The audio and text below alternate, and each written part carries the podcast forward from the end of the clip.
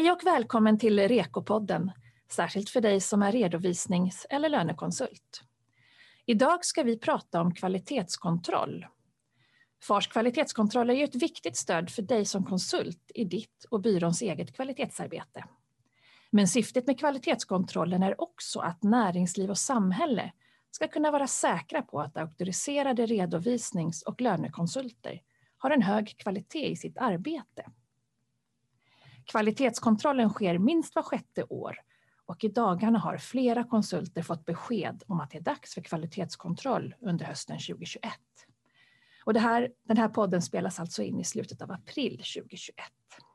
Gäst i dagens podd är Pia Abrahamsson som är auktoriserad redovisningskonsult på Abrecon.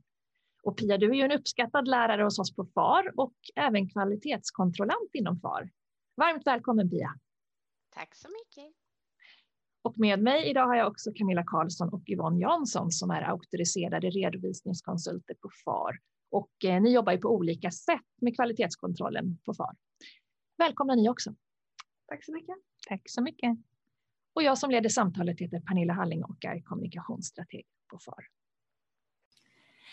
Camilla, jag tänkte att du får börja här och berätta varför är det så viktigt att bli kontrollerad och sen också då godkänd såklart av FARs kvalitetskontroll? Kontrollen är ju en kvalitetsstämpel och en garant att de fyra hörnstenarna som auktorisationen bygger på är uppfyllda. De fyra hörnstenarna är ju dels kvalitetskontroll, REKO, att man håller sig vidareutbildad och att man är ansvarsförsäkrad. Och sen var det ju precis som du sa i inledningen där Pernilla, det här är ju faktiskt en garant för näringslivet och samhället att man kan förlita sig på den auktoriserade redovisning och lönekonsulten, att man håller en hög kvalitet i sitt arbete. Kontrollen är dessutom ett stöd för medlemmarna i deras egna kvalitetsarbete. En check att man lever upp på de förväntningarna som finns på yrkesrollen. Så det, det, är en viktig del. Mm. Och Pia, du har ju varit eh, kvalitetskontrollant åt FAR i flera år. Ehm, hur kommer det sig att du valde att bli det?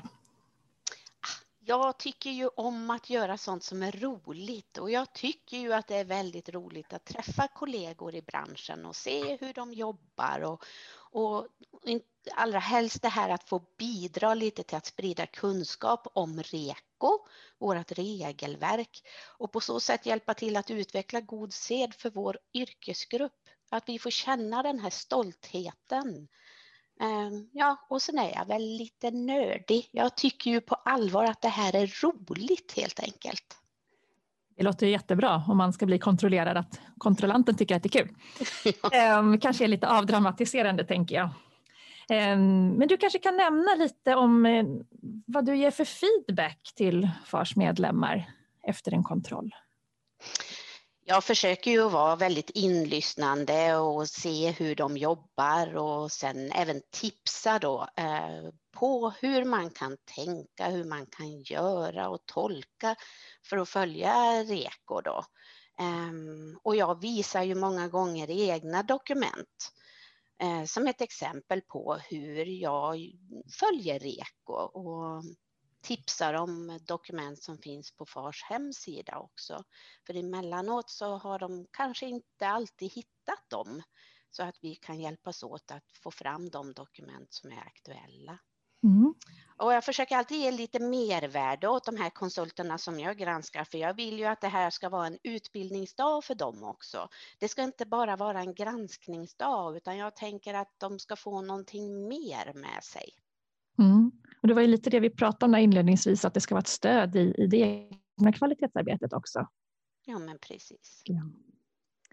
Men hur har det varit nu då med under coronaåret? Eh, jag antar att kontrollen har skett på distans som allt annat. Ja, jag hade några fysiska faktiskt, men um Sen så skulle jag ju ha några digitala och det var ju ärligt talat väldigt nervöst. Jag tänkte hur ska det här fungera med all teknik och hur kan jag ta del av allting? Och, men um, de flesta var faktiskt så pass digitala i sitt arbetssätt så jag kunde ta del av de dokument som jag behövde se. Så ska jag vara ärlig, det fungerade bättre hos vissa än hos andra. Eh, det mejlades eh, friskt till mig emellanåt. för att eh, de kunde inte visa mig dokumenten så mm, mailboxen plingade konstant här. Och de visade mig dokument framför kameran och det blev många skratt innan vi lyckades få till det till slut. Men ehm, ja, men vi var nog väldigt ense om att det, är, det ger verkligen så mycket mer att träffas i verkligheten. Um, och det tror jag att de flesta av oss har upptäckt, upptäckt under det här coronaåret som vi har haft. Att vi saknar det här att faktiskt ha den här fysiska kontakten, att kunna se och läsa varandra mm, med kroppsspråk och, och ja. Men det fungerade mycket bättre än vad vi trodde att granska mm. via Teams faktiskt. Det gjorde det. Vi får väl hoppas att det snart är läge att träffas fysiskt igen. Men, men då vet vi att det funkar om det skulle behöva göras på distans även under hösten. Då. Ja, det gör det. Ja.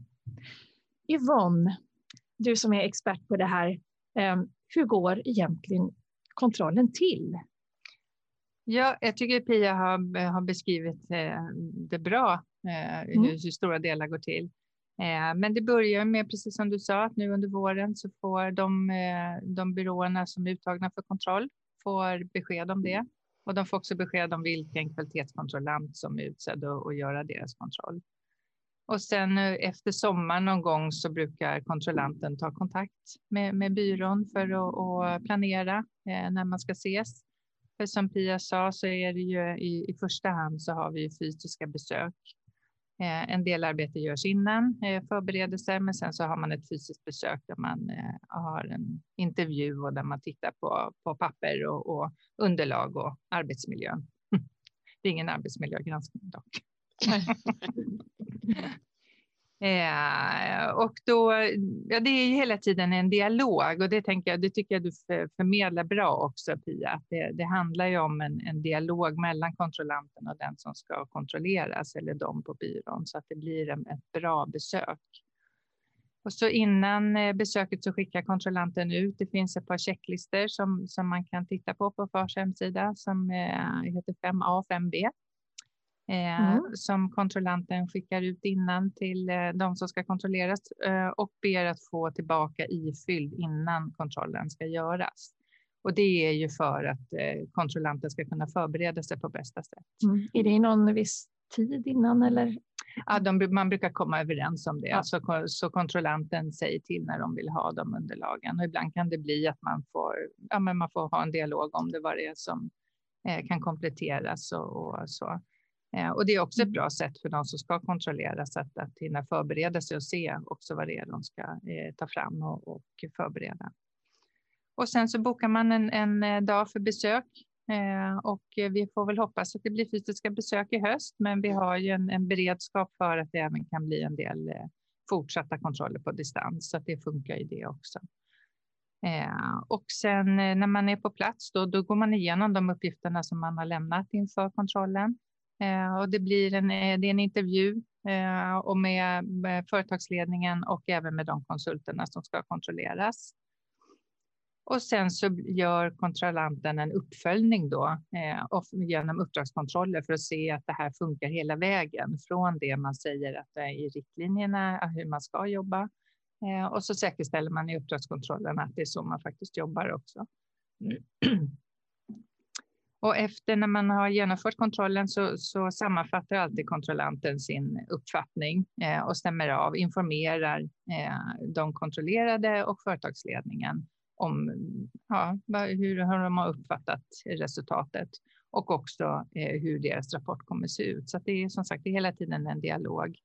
De som har kontrollerats får också skriva på de checklistor som används och sen så skickar kontrollanten eh, förslag på rapport som man får titta på först. Och, och eh, då får man också möjlighet att säga till om det man tycker att kontrollanten har missuppfattat någonting. Mm. Eh, och sen så skickar kontrollanten allt sitt material till oss på kvalitetssekretariatet. Så då går jag igenom det och tittar. Och skulle det vara någonting som jag undrar över så kontaktar jag kontrollanten eller så i, i vissa fall kan jag även kontakta de som har blivit kontrollerade om jag vill ha någon komplettering. Mm. Eh, för det är viktigt att vi inte missuppfattar någonting utan att vi verkligen uppfattar allting rätt. Då. Och sen så föredrar jag eh, kontrollerna för kvalitetsnämnden. Och det är kvalitetsnämnden som fattar besluten. Mm. Eh, kvalitetsnämnden är ju en fristående organ som utses av årsstämman. Så det är ingenting som varken vi eller kontrollanterna påverkar, utan det är kvalitetsnämnden som fattar beslutet. Eh, och det baseras ju på den rapport som kontrollanten har lämnat, där kontrollanten lämnar ju ett förslag på, eh, på slutsats. Mm. Eh, så, och sen när kvalitetsnämnden har fattat sitt beslut så skickar vi ut beslutsbrev. Så det är alltså kvalitetsnämnden som bestämmer? Ja, det är de som fattar besluten. Ja, ja. Inte kontrollanten? Nej. Nej. Och inte vi på FAR heller. Nej, nej. Men jag tänkte på det här Yvonne också, du nämnde de här checklistorna som ligger på vår hemsida. Ibland får vi lite frågor kring, är det samma checklistor för redovisning av lön eller? Ja, det är det ju. Eh, vi gör ju kontrollerna på exakt samma sätt. Det är samma kontrollanter eh, som, som kontrollerar både auktoriserade redovisningskonsulter och auktoriserade lönekonsulter. Mm. Och vi använder samma checklistor och eh, vi har ju i, i år märkt att det har fungerat väldigt bra. Det har inte varit några problem alls. Nej. Och det är hela byrån som kontrollerar samtidigt. Ja. Det är väl också viktigt ja. ja. ja. Mm. ja. Och Pia, um, Yvonne var inne på lite med återkoppling och hur det går till och så där. Um, är det någonting du vill tillägga? Är det, får man reda på eventuella brister direkt? Eller hur, hur, hur fungerar återkopplingen? Ja, när vi sitter där och går igenom de här checklistorna och man, eh, man ställer ju frågor och diskuterar och de visar dokument så då är det som så att vi hittar någonting längs vägen då så pratar vi ju om det direkt. Plus att jag gör då en notering i den här checklistan nu är ju inte checklistorna så att man kan skriva några mm, stora romaner direkt, mm. utan det är ju några få ord som jag kan skriva där. Eh, men jag ändå försöker sammanfatta och diskutera det ihop med den som jag då kontrollerar. Att nu, jag skriver så här, är du med mig på att vi, att vi har fått fram vad vi menar då med de här orden? Och så, mm, så ger jag ju tips på då vad man kan göra eller hur man kan förbättra just den punkten då. Och så fortsätter vi på det där viset och hittar vi då någonting mer, ja då tar vi upp det på en gång. Och sen så innan jag åker ifrån eh, kontrollen eller digitalt lämnar kontrollen då så skickas ju de här listorna antingen att vi printar ut dem eller att vi skickar över dem och så får de ju skriva på dem. Så de, då kan de ju titta ännu en gång. Ja, har hon verkligen skrivit det som vi kom överens om? Och har vi nu förstått varandra här på, på bästa sätt? Då? Och, så att jag tycker att det är väldigt öppet och transparent. Vi, det är liksom inte som så att eh, det kommer som någon överraskning om jag nu skulle råka underkänna någonting utan eh, det är de medvetna om då och jag har också förklarat vad som händer om så sker. Och att det är, det är inte så att de kan dra en, en, en påse över huvudet och, och ge upp alltihopa, utan att det är faktiskt som så att man har ju eh, en chans att komplettera med, med dokument eller att man eh, får en omkontroll och det kan ju vara en väldigt enkel omkontroll eller om man får en fullständig omkontroll. Så det är ju inte som så att man på en gång förlorar sin auktorisation. Så att det är, det är ju liksom inte livsfarligt det här som vi gör utan det är en del i, i vårt yrke och att upprätthålla mm, kvaliteten på det, mm, våran titel och att det är någonting som är eftersträvansvärt. Ja, nej, så att jag försöker att förmedla det. Mm. Ja, men jag tycker du säger det jättebra och, och just att vi, vi har ju alla, alla liksom delar i, i det här, både Eh, kontrollanterna och vi på FAR och, och nämnden. Vi har ju, målet är ju ändå liksom att, att, eh, att hjälpa till en bra kvalitet. Eh, så att det, det är det, vi har ett gemensamt mål och syfte i det som vi gör och det är ju att hjälpa de byråerna och konsulterna som vi kontrollerar. Ja. Vad är det då, Camilla, du kanske kan berätta det, vad är det lite mer konkret eller specifikt som kontrollanten tittar på? Kan det till exempel vara att man tittar på en årsredovisning för att se om konsulterna har gjort rätt? Eller? Eh, ja, det var ju bra att du tog upp det exemplet, för det är många som undrar, det är det man tittar på om jag upprättat enligt K2 eller K3-regelverket. Eh, men det är faktiskt inte det vi tittar på, inte heller om man har gjort rätt löner till de anställda, utan det här ska man ju faktiskt fånga i, i den interna kvalitetssäkringen. Så man kontrollerar ju att man följer processerna som är på byrån egentligen. Och då dyker den här frågan upp. Eh, kvalitetssäkring och kvalitetskontroll. Det är två olika saker. Mm. Eh, det här har vi försökt att förmedla många gånger, jag och Yvonne. Vad är det för skillnad mellan de här olika begreppen? Och eh, ja, ibland känns det att det är lite svårt, men det är faktiskt en viktig skillnad vi har här. Kvalitetssäkring är ju det som görs internt på byrån för att byråledningen ska kunna känna sig säker på att alla konsulter på byrån har en hög kvalitet på de uppdrag man har. Och kvalitetssäkring kan ju också skilja sig åt beroende på hur byrån ser ut, struktur, bemanning och uppdragen ser ut. Man har ju olika risker och det är ju det man ska fånga. Det är faktiskt viktigt också att det ingår i eh, byråns riktlinjer och rutiner hur man har byggt upp sin kvalitetssäkring och att man faktiskt gör det. Och när man gör kvalitetssäkringen så ska man ju dokumentera det här. Det här är en vanlig brist som man märker i kontrollerna. Så glöm inte bort att dokumentera er kvalitetssäkring, för det är en viktig del. När jag pratar lite om byråns riktlinjer och rutiner, det brukar faktiskt vara det första momentet, Pia, som man väl gör när man kommer ut och kontrollerar, att man tittar på byråns riktlinjer och rutiner. Hur ser de här ut? Och sen är det ju de vi tittar efter. Att jobbar faktiskt konsulten efter de här byråns riktlinjer och rutiner? Och i riktlinjer och rutinerna ska alla ska-krav finnas med. Det ska finnas farsetiska regler ska också inkludera det. Men sen kan man ju andra byrårutiner och då är det viktigt att konsulten följer de här också så att man inte glömmer det. Det kan ju vara ett större batteri man har där.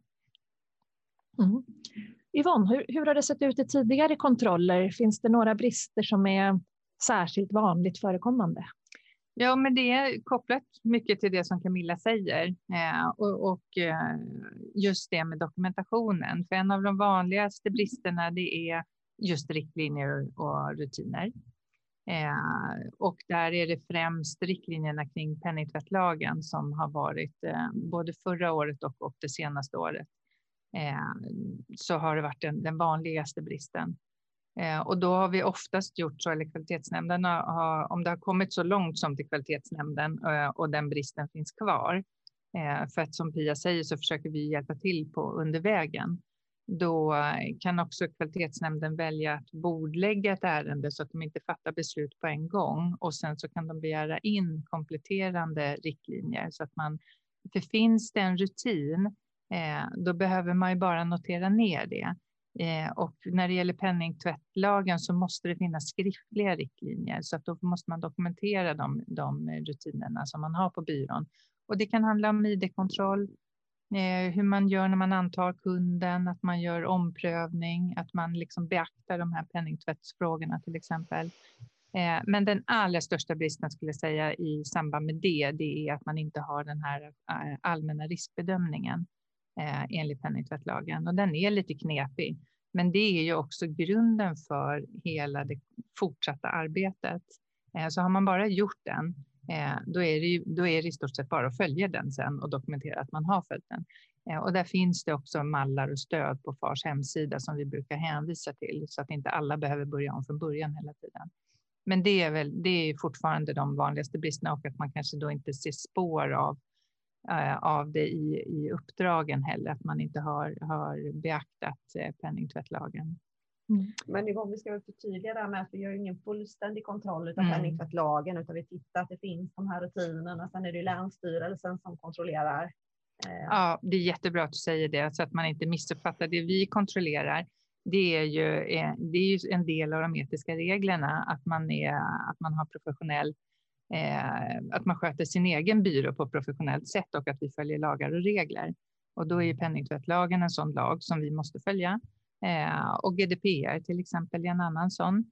Eh, och det vi kontrollerar då i kvalitetskontrollen, det är ju att byrån har riktlinjer för det, att man har eh, beaktat de här lagarna och reglerna. Men vi, gör inte en, en, vi är inte tillsynsmyndighet för dem, så att vi gör inte en fullständig kontroll. Och det är vi också, eller Pia, är vi noga med att upplysa om när vi är på kontrollen så att man inte tror att eh, att nu är jag godkänd i kvalitetskontrollen, då är, är mitt eh, system för penningtvätt inte system för penningtvätt, men system mot penningtvätt för att förhindra penningtvätt eh, godkänt, utan Länsstyrelsen kan ju komma och göra sin kontroll och ha, ha då är ju de mycket mer djupgående i dem, för då tittar ju de bara på det. Mm. Eh, så att det, men, och, och, det är ju det är som sagt en, en, eh, det är en vanlig brist och det är, vi försöker hjälpa till på alla sätt eh, med, med utbildningar och med, med mallar och verktyg då, för att eh, hjälpa konsulterna i det. Och den, den, andra vanliga bristen är ju det som eh, också som Camilla pratade om med kvalitetssäkringen. Eh, och det handlar ju om att man oftast har man, det är ju ren självbevarelsedrift hos byrån att, att ha en, en kvalitetssäkring. För man vill ju att, att uppdragen ska göras på ett rätt sätt och det man lämnar ifrån sig ska vara rätt och riktigt. Men man dokumenterar inte, man dokumenterar inte hur man har tänkt, eh, vilket då är, är liksom strukturen för kvalitetssäkringen. Och man dokumenterar inte att man har gjort kvalitetssäkringen. Och det är det då som, som är en vanlig brist. Eh, så att det, det behöver man eh, tänka igenom. På vilket sätt gör vi vår kvalitetssäkring? Och sen så behöver man kunna se spår av det i uppdragen. Och sen har vi en, en tredje vanlig brist som är återkommande genom åren och det är vidareutbildningen. Och det hör ju också ihop med FARs eh, yrkesetiska regler att vi ska vidareutbilda oss och det är viktigt att vi håller vår kompetens eh, vid liv eh, så att vi håller oss uppdaterade med, med alla, allting som påverkar våra kunder. Inte allting, men, men det som rör vår yrkesroll. Och då behöver vi också där dokumentera den utbildningen och den kompetensutvecklingen som vi gör. Dels att vi har en plan för hur vi ska utbilda oss, men också vilka utbildningar vi har genomfört. Eh, och det är också en vanlig brist, eh, återkommande brist. Det kan vi väl också säga, det får vi ju lite frågor i medlemsrådgivningen där också, var man hittar kraven för vidareutbildning. Och de finns ju i etik R5. Fyra. Fyra. Etik R4. Där hittar ni de eh, riktlinjerna för det. Och där finns det också en mall för hur man kan tänka. Det finns stöd där för hur man kan tänka i sin planering av, av utbildningen och hur man eh, kan dokumentera den. Nu är det inte så där jättemånga månader kvar förrän eh, det är dags för några av FARs eh, redovisningskonsulter och lönekonsulter att kontrolleras. Eh, Pia, har du några tips på hur man kan förbereda sig? Ja, jag tycker ju att ett bra tips det är att ladda ner de här checklistorna som finns på FARs hemsida som vi använder i kontrollen. Och att man faktiskt tar dem och kanske går igenom några av sina egna uppdrag då. Och ser om man eh, uppfyller allting i de här eller om det är någonting som man behöver komplettera med. Så att det inte blir helt nytt helt enkelt. Ehm, och sen att, precis som Yvonne sa, det här med penningtvättlagen, att man verkligen har gjort de här riskbedömningarna. Och som sagt, den här riskbedömningen, vi behöver ju inte uppfinna hjulet från början här, utan vi, det finns ju på FARs hemsida ett dokument som faktiskt är riktigt bra. Det kan se lite stort och otympligt ut, men det är ju bara att anpassa till det till den verksamhet som man själv har. Det är ju Excel, det är bara att klippa och klistra, mm. fixa till um, så att man känner att nej, men nu har vi ändå koll på det här. Och sen det här med vidareutbildning. Gå igenom och titta. Man måste ju inte ha eh, diplom på allting, utan det finns ju en massa utbildningar som man kanske kan tillgodoräkna sig bara genom att visa att man har betalt eh, en faktura för det och att man har deltagit, att man har material från det här och så. Så att, eh, för det är många som är stolpe in på utbildningarna. Så jag tänker att ställ samman det från början det så att ni kan eh, släppa den klumpen i magen åtminstone. Ehm, det är något som är relativt enkelt och är det nu som så att man ser att det fattas några timmar, ja men gå någonting, gå några kurser, någon webbinarium eller någonting som ni ändå tycker att det här har jag ju nytta av i mitt yrke nu då. ja, det är väl det jag kan komma på just nu. Mm. mm. Tack för bra tips. Um, Yvonne och Camilla, har ni några tips så här när man ska förbereda sig? Nej, men jag håller med, eh, jag håller med Pia. Alltså det, ju mer man, man sätter sig in i eh, vad kontrollen innebär, desto, desto lättare blir det ju. Då, då, är man ju förberedd på. Och sen så, så ring oss eh, och fråga så om man har några frågor. Eh, vi, vi ställer gärna upp och, och berättar mer om hur kontrollen funkar och, och vad man kan förvänta sig och, och om man har något, eller om man har några specifika frågor. Eh, ett bra tips tycker jag det är att läsa REKO, uppdatera sig eh, och, och liksom checka av hur, hur efterlever jag de här sakerna? Är det någonting som, som man behöver? Så det, det, är en bra möjlighet liksom att se över en verksamheten och, och sina riktlinjer och sin kvalitetssäkring. Eh, så att, eh, och det är så jag tycker också att man ska se det på det sättet som en, som en bra möjlighet. Det är sånt som man kanske tänker att man ska göra, men, men eh, sen drivs det på av det dagliga arbetet hela tiden. Och nu, får man, nu blir man lite tvingad till att ta den här reflektionen eh, och, och se, funkar det? Och kanske är det saker som vi kan göra på ett annat sätt, på ett, på ett bättre sätt. Så det är mitt tips. Jag ser det som en, en chans, en möjlighet. Mm. Ja, jag håller med dig Yvonne. Där. Vi kan väl också nämna då när vi pratar lite om eh, REKO där. Vi har ju REKO 2021 eh, som vi släppte här under hösten och den finns ju på far.se eh, som ni kommer åt den som medlemmar. Så det är bara att läsa den i digital format. Och det går jättebra att läsa den fysiskt också, för jag beställde boken. Det går alldeles utmärkt det också.